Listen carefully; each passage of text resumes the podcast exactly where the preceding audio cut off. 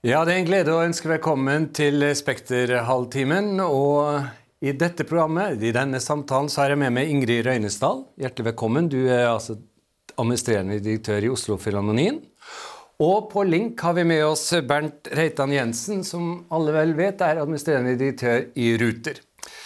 Samme spørsmål til dere begge to. Hvordan har pandemien påvirka virksomhetene?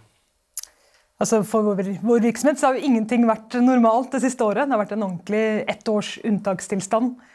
Og vi har jo gått fra å være en kulturproduserende virksomhet til på mange måter å forsøke å bli et mediehus. Vi har drevet digitale konserter, podkaster, webinarer, eh, bakomfilmer, kommet tett på digitalt. Men det er klart det har vært en enorm omstilling, en enorm kompetanseutvikling og også nokså krevende. Har det fungert? Ja, på mange måter så har vi i hvert fall klart å gjøre det beste ut av det. Men det er klart, vi savner publikum. Vi savner å være nær mennesker. Vi er et sted for fellesskapsopplevelser, for de store opplevelsene tjukt utapå kroppen. Sant? Så det, det, er det som virkelig begynner å kjennes nå. Mm. Og administrerende direktør i Ruter, eh, hun savner eh, publikum. Du savner kanskje passasjerene? Ja, i høyeste grad. Eh, litt eh, sånn eh, med skråblikk kan vi vel si at vi, i fjor hadde vi to forretningsideer. Vi har akkurat skrevet eh, årsrapporten ferdig nå. Fram til 12.3 hadde vi som uh, oppgave å få flest mulig om bord. Det lå vi veldig godt an med. Det var en stor suksess året før, og vi følte at vi virkelig var, hadde fått et bra driv. 13.3 endret vi forretningsidé til å få flest mulig av. Resten av året var det også en stor suksess. Så og det er klart at uh, det å sitte så lenge i beredskap også, og håndtere så mange uforutsette situasjoner uh, og Det har vært et veldig, veldig spesielt år. og det er klart vi ønsker oss tilbake til en verden som er nær normal. Skjønt at den blir akkurat som den vi forlot, det, det tror jeg ikke. Men kan du, kan du gi oss noen tall på, på hvordan dette har slått ut det siste året? Ja, vi, jo, vi, gikk jo fra å være et uh, attraktivt reisetilbud, altså det å gi hele denne regionen bærekraftig bevegelsesfrihet, den opplevelsen å kunne bevege seg fritt, til å bli et si, livsnødvendig transportsystem for samfunnet, hvor vi skulle tilby trygge reiser til de som må reise, for at vi alle skal kunne få finne mat i butikken, at uh, renhold uh, skal fungere som det skal, at sykehusene skal ha personell på plass. Og vi så vel at uh, vi, når vi var i absolutt stillstand holdt jeg på å si, i samfunnet, uh, så var vi i overkant av 30% av passasjerene. Og når vi opererer omtrent som nå, så er det ca. halvparten av passasjerene. Og I sommer hadde vi tilbake ca. 74% av passasjerene. Så nå er vi selvfølgelig veldig spente på hva, hva blir den nye normalen. Ja. Er, hvor mange vil vi mangle som vil uh, sitte på hjemmekontor og dermed egentlig bidra til et mer bærekraftig samfunn? Ja. Ved at man kanskje ikke reiser så ofte som før. Vi skal komme tilbake til hva som blir normalen, men uh, bare få lov til å følge opp. Hva, hva, er den viktigste lærdommen da du har tatt med deg fra dette året? Det er jo eh, det er jo mange ting det går an å lære, og som vi nå har forsøkt for første gang. Altså. Og jeg må jo si at vi har forsøkt å skaffe oss innsikt, forstå bredden i denne situasjonen.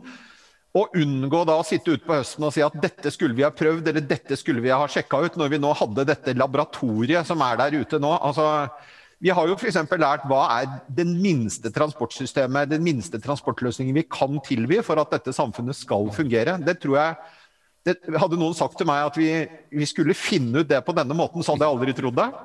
Og Samtidig så har vi også sett en fantastisk fleksibilitet blant innbyggerne i Oslo og Viken. Altså Måten de lytter, måten de hører på råd, eh, måten de er villige til å endre på arbeidsvanene sine når de virkelig må, det, det har gitt en fantastisk innsikt i, også i det.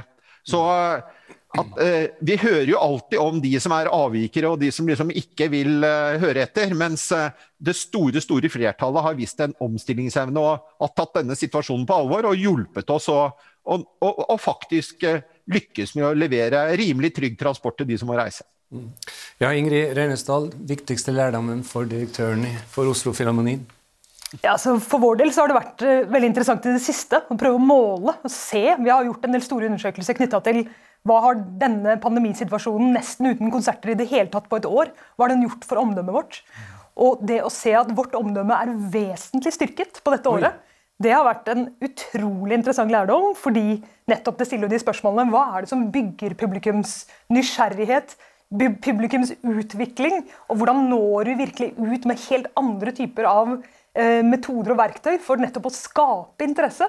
Så det tror jeg faktisk har vært en, en, veldig interessant ting som vi tar med oss. Og så er det klart, eh, for kulturfeltet så har jo hele verden vært Jeg skal ikke kalle det en slagmark, men det har vært virkelig kritisk en del eh, steder i verden. Og det å kunne være med fra Oslo Konserthus, bidra til kan du si, kulturproduksjoner, relevante, fantastiske produksjoner eh, gjennom hele dette året, få være i chat og dialog med hele verden, få fantastiske tilbakemeldinger om 'tusen takk for at dere gjør dette i disse krisetider', det betyr enormt mye. Det det, det, skaper en sånn opplevelse av relevans, og det ser vi på tall, det ser vi på nedslag. og vi tror vi, Litt ironisk nok så aldri har vi nådd flere mennesker som vi har gjort dette året, selv om veldig få av dem har vært fysisk til stede. Så, så du har altså vært gjennom, eller er midt inne kanskje et digitalt kvantesprang? Absolutt. altså Vi har måttet på en måte bruke denne situasjonen optimalt sånn, på alle mulige måter. Og snudd og vendt alle verktøy og kompetanse som vi kan kunne tenke seg å ha internt. og bygd den også eksternt. Sett, altså bare det at vi har en, konsertproduksjon vi gjorde rett før pandemien, Beethovens 9. symfoni. Fantastisk produksjon med vår nye sjefdirigent Klaus Mekle, 25 år gammel. Ja. Plutselig får den 3,5 millioner mennesker som sitter og ser på den. Og det er jo ikke akkurat at det er få innspillinger av Beethovens 9. symfoni der ute, men det treffer et eller annet. Det er en eller annen nerve, det er en måte å kommunisere med publikum og både nasjonalt og internasjonalt på, som er veldig inspirerende. Så inspirerende at du liker det? Eh, Overhodet ikke over tid. Altså, nå er det ja, som sagt, det, det begynner å bli lenge siden vi kjente på det der som er hele eksistensen og grunnen til at vi er til. Altså, og det er det som, som nå sikkert for alle ledere, for alle virksomheter, altså virkelig er krevende. Hvordan får vi til den siste oppoverbakken nå? Motivere alle ansatte, kjenne på her skal vi fortsatt være relevante. Mm. Er det snakk om et digitalt kvantesprang for deg også, Bernt? Eh, Reitan Jensen? Ja, det er klart at Hvis vi tenker på hvordan vi leder virksomheten vår, så har, vi jo, så har vel jeg vært på kontoret i overkant av ti ganger siden mars. Så, og vi var jo en rimelig digital virksomhet fra før, så vi brukte nok ikke mer enn et par timer før vi egentlig hadde hele virksomheten flytta over på en digital plattform, og har egentlig levert alt det vi skulle i fjor sånn fra fra selskapets side, pluss pandemihåndteringen på toppen. og med redusert sykefravær og høyere medarbeidertilfredshet. Altså er, og så tror jeg det vi har fyrt med, er jo det kulturelle eller, og innovative underhudsfettet. Jeg tror veldig mange nå lengter tilbake til å se hverandre. Vi, er, vi har benytta anledningen mens folk har vært eh, borte, til å bygge om kontorene. Eh, eh, sånn at det inneholder flere samhandlingsarenaer. Og vi har jo sett, når det har vært eh, innslag av gradvis gjenåpning, så er det jo de etasjene som har vært fulle. Det er ikke de etasjene som minner om eh, hjemmekontor. Det er der hvor folk kan være sammen og jobbe sammen. Og der tror jeg vi har litt av kjernen i, i, i, i varige ting vi tar med oss også. Og så har vi jo blitt ganske gode på egentlig å jobbe med arbeidsplassene her hjemme. Jeg sitter jo nå på noe som ikke ligner på arbeidsplassen min på jobben. Altså her, her, sitter jeg stort sett og snakker med folk over, over, Teams, over eh, videolink og på digitale samhandlingsplattformer. Det er ikke det samme som å sitte og saksbehandle og skrive i Word eller lave powerpoint-presentasjoner. Så her har vi også lært veldig mye som gjør oss til en annen organisasjon når vi kommer ut av dette. Har, har, har, det som har skjedd det siste året, pandemien, og dette spørsmålet går til dere begge to, men Bernt først, det, er du blitt en annen type leder? Må du være en annen type leder? Jeg, jeg har i hvert fall lært meg at jeg, uh, mye om ferdigheter som er knytta til digitale plattformer, som jeg tror jeg kommer til å ta med meg. Er, I starten så prøvde jeg å lage en slags uh, kopi av uh, den fysiske arbeidssituasjonen. Det fant jeg ut at det ville, jo, det ville jo alltid være dårligere enn det vi hadde før. Nå er jo akkurat den der muligheten med å, de, de mange, den korte logistikken egentlig det som jo før var hovedforretningen vår, nemlig å få folk til å flytte seg fysisk. Nå, nå skjer jo det elektronisk, så nå kan du jo hoppe fra å møte si, 30 besøkende fra India, som kommer for å se på hydrogensatsingen i Norge, til å ha én-til-én-samtaler med medlemmer av eh, si, mitt lederteam. Eh, det skjer jo nesten uten opphold. Det er bare så vidt du rekker innom og flytter deg fysisk bort til kaffemaskinen. Det, det var jo en, en virkelighet som både krever si, andre forberedelser, en annen arbeidshverdag, en annen eh, si, innretning enn det, vi, enn det, vi, hadde før. Og Det er jo på godt og vondt. Det gir kjempestore muligheter, men det gjør jo også at en, en sånn dag er atskillig mer slitsom enn den den var når du kom hjem fra liksom, en, en, vanlig arbeidsdag eh, på kontoret. Det å sitte påkobla sånn som nå hele tiden, det er eh, faktisk slitsomt. Og, og, det å forstå medarbeiderne og se de som sliter med det ute i organisasjonen også, det tror jeg er kjempeviktig. Ja, Ingrid? Altså jeg tenker at eh, Noe av det største endringen synes jeg har vært at um, vi har gått fra å drive sant, to, tre, fire, fem års planleggingshorisonter, jobbe strategisk, skritt for skritt, vite hvor man skal hen, ha en mye mer sånn planmessig leder, lederhverdag på en vis, da, til å få en slags sånn ja, sagt, beredskapssituasjon hver eneste dag. Altså, det er nesten ikke en eneste dag som har gått jeg tror kanskje ikke en dag som har gått på det siste året uh, ut fra noen som helst form for plan A.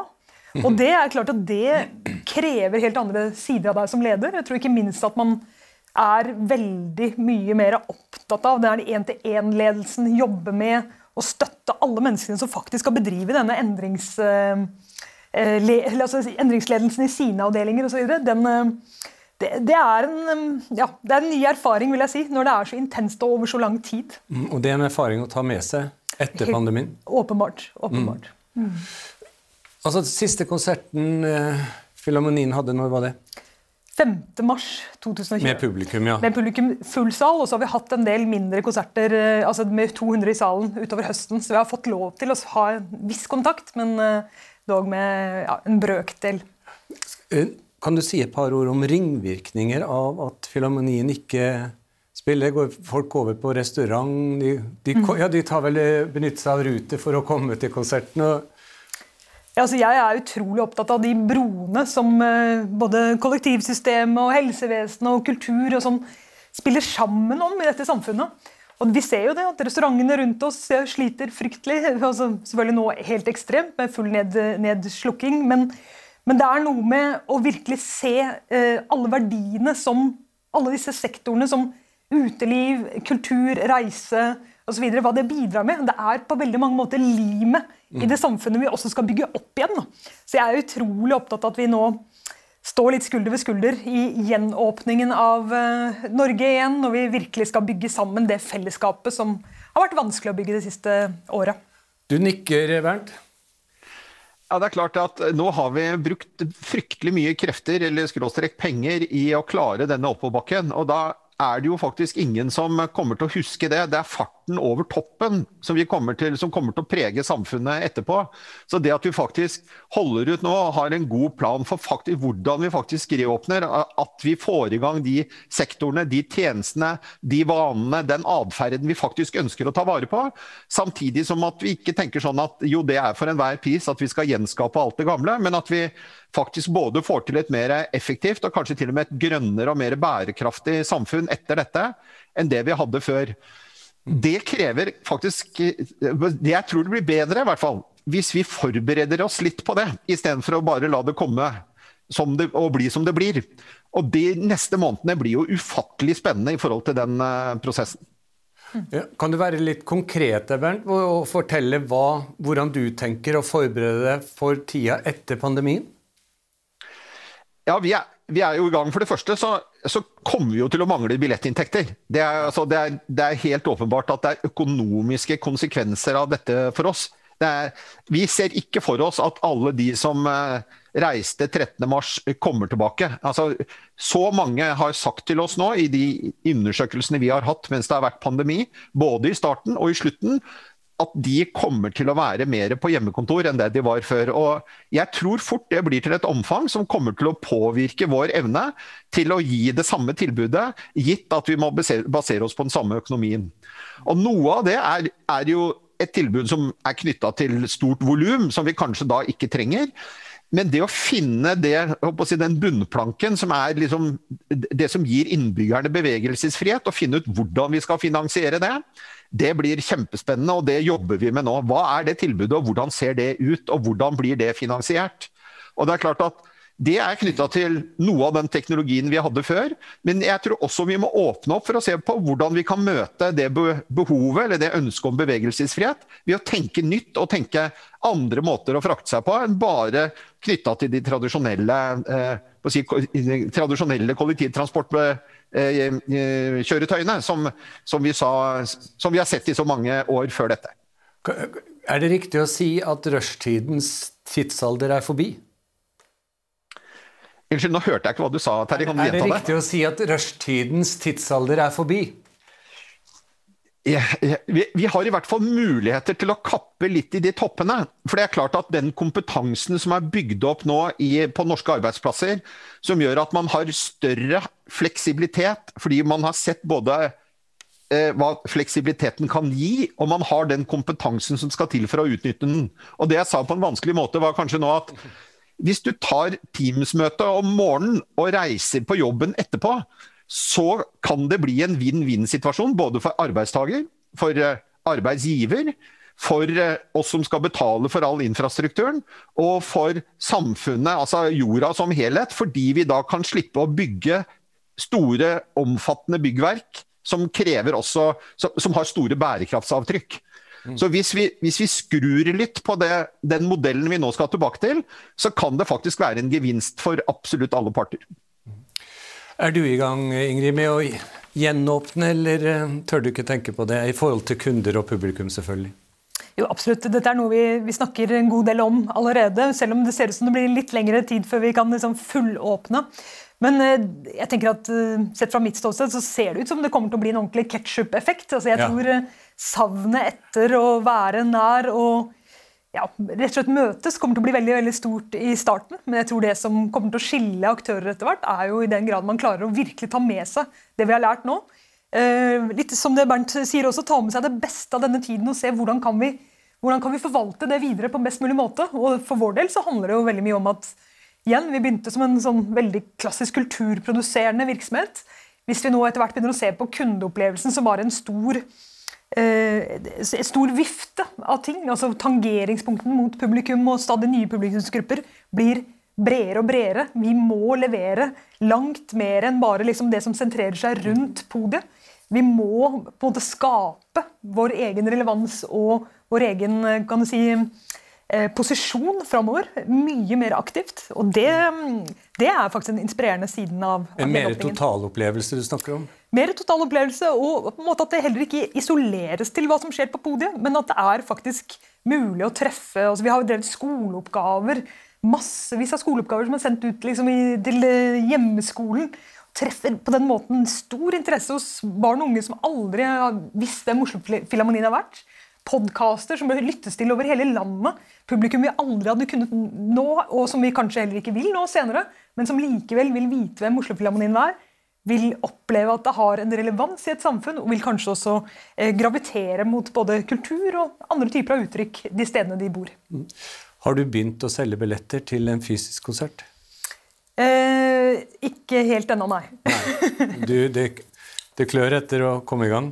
Ja, altså Vi var ganske optimistiske vi før denne sesongen som vi er inne i nå, altså dette skoleåret. Da, på en måte 2021, Så vi har massevis av billetter vi har solgt, som vi driver også fortsatt og forvalter og refunderer. Og så håper vi jo virkelig at vi ganske snart kan begynne med å selge høsten. Men Hva er et spørsmål som slår meg nå? Jeg går fra at uh, orkesteret øver som før. Absolutt. Syns dere begynner å bli ikke, Forstå meg rett nå, syns dere begynner å bli kjedelig? Altså har vi hatt veldig substansielle produksjoner, ja. både digitalt og også med innspillinger osv., men det er klart, altså, de ble ikke musikere for å spille for mikrofoner. Nei. De ble musikere virkelig for å nå ut og treffe publikum. Det er godt sagt. Er godt sagt. Du nevnte det, Bernt, ved innledningen av denne halvtimen. Eh, normalen, uttrykket 'normalen'. Er det, er det bare dumt å, å, snakke om eh, at vi skal vende tilbake til normalen? Vender vi tilbake til noe helt annet? Ja, jeg tror vi vender tilbake til noe helt annet. Men den, for de som da blir virkelig urolige, så vil det, den nye normalen ha betydelig innslag av den gamle normalen. bare for å si det. Jeg tror, jeg, jeg tror veldig mye av det vi eh, liker med hverdagen vår, eh, håper jeg vi får tilbake. og Kanskje noe ganske fort, så fort vi kan eh, lempe på smitterestriksjonene. Mens andre ting bruker vi kanskje litt lengre tid på å reetablere. Mens noe tror jeg faktisk kommer til å bli forandret. Da. Og en, en del, mange av de tingene eh, kanskje ikke bare med sorg, men faktisk til, det, til, noe som er bedre enn det vi hadde. Og, og kanskje ikke aller minst fortere enn det vi hadde trodd. Fordi jeg tror jo at mye av det som skjer skjedde før vi havnet i denne pandemien, faktisk har akselerert. Jeg tror at mange av de trekkene med digitalisering av samfunnet, utvikling av eh, si, nye tjenester, det har jo ikke tatt pause nå. Altså, det har jo pågått for fullt. Mange virksomheter har jo faktisk jobbet raskere og mer effektivt. Eh, og har, og har sett at kundene sine også har flytta seg raskere, nå mens vi faktisk har vært uh, i denne situasjonen. Og Det betyr jo at mange av de samfunnstrekkene vi så før, faktisk har tatt fart, mens vi har sittet på hjemmekontor. Og at vi bare av den grunn kommer tilbake til en uh, annen virkelighet. Og Veldig mye av dette handler jo om digitalisering, det handler om datadrevne tjenester, og det handler om, også om globale aktører med, med, med, med, sterke produkter og med stor markedsmakt. Så veldig mye av den, den, digitale delen av verden den har ikke hatt pause under pandemien, den har snarere tvert imot uh, akselerert. Det kan vel du underskrive på? Ja, definitivt. Og jeg tror også at den, eh, den, nye normalen vil ha innslag av den gamle. Men jeg tror også det handler om nå at vi virkelig skaper en ny normal. Altså Vi aktivt går inn i det og ikke bare venter på hva som skjer, men eh, ja, bruker den kreativiteten vi har hatt med oss. Mm. Bernt Reitan Jensen og Ingrid Reinesdal, tusen takk for at dere deltok i Spekter-halvtimen.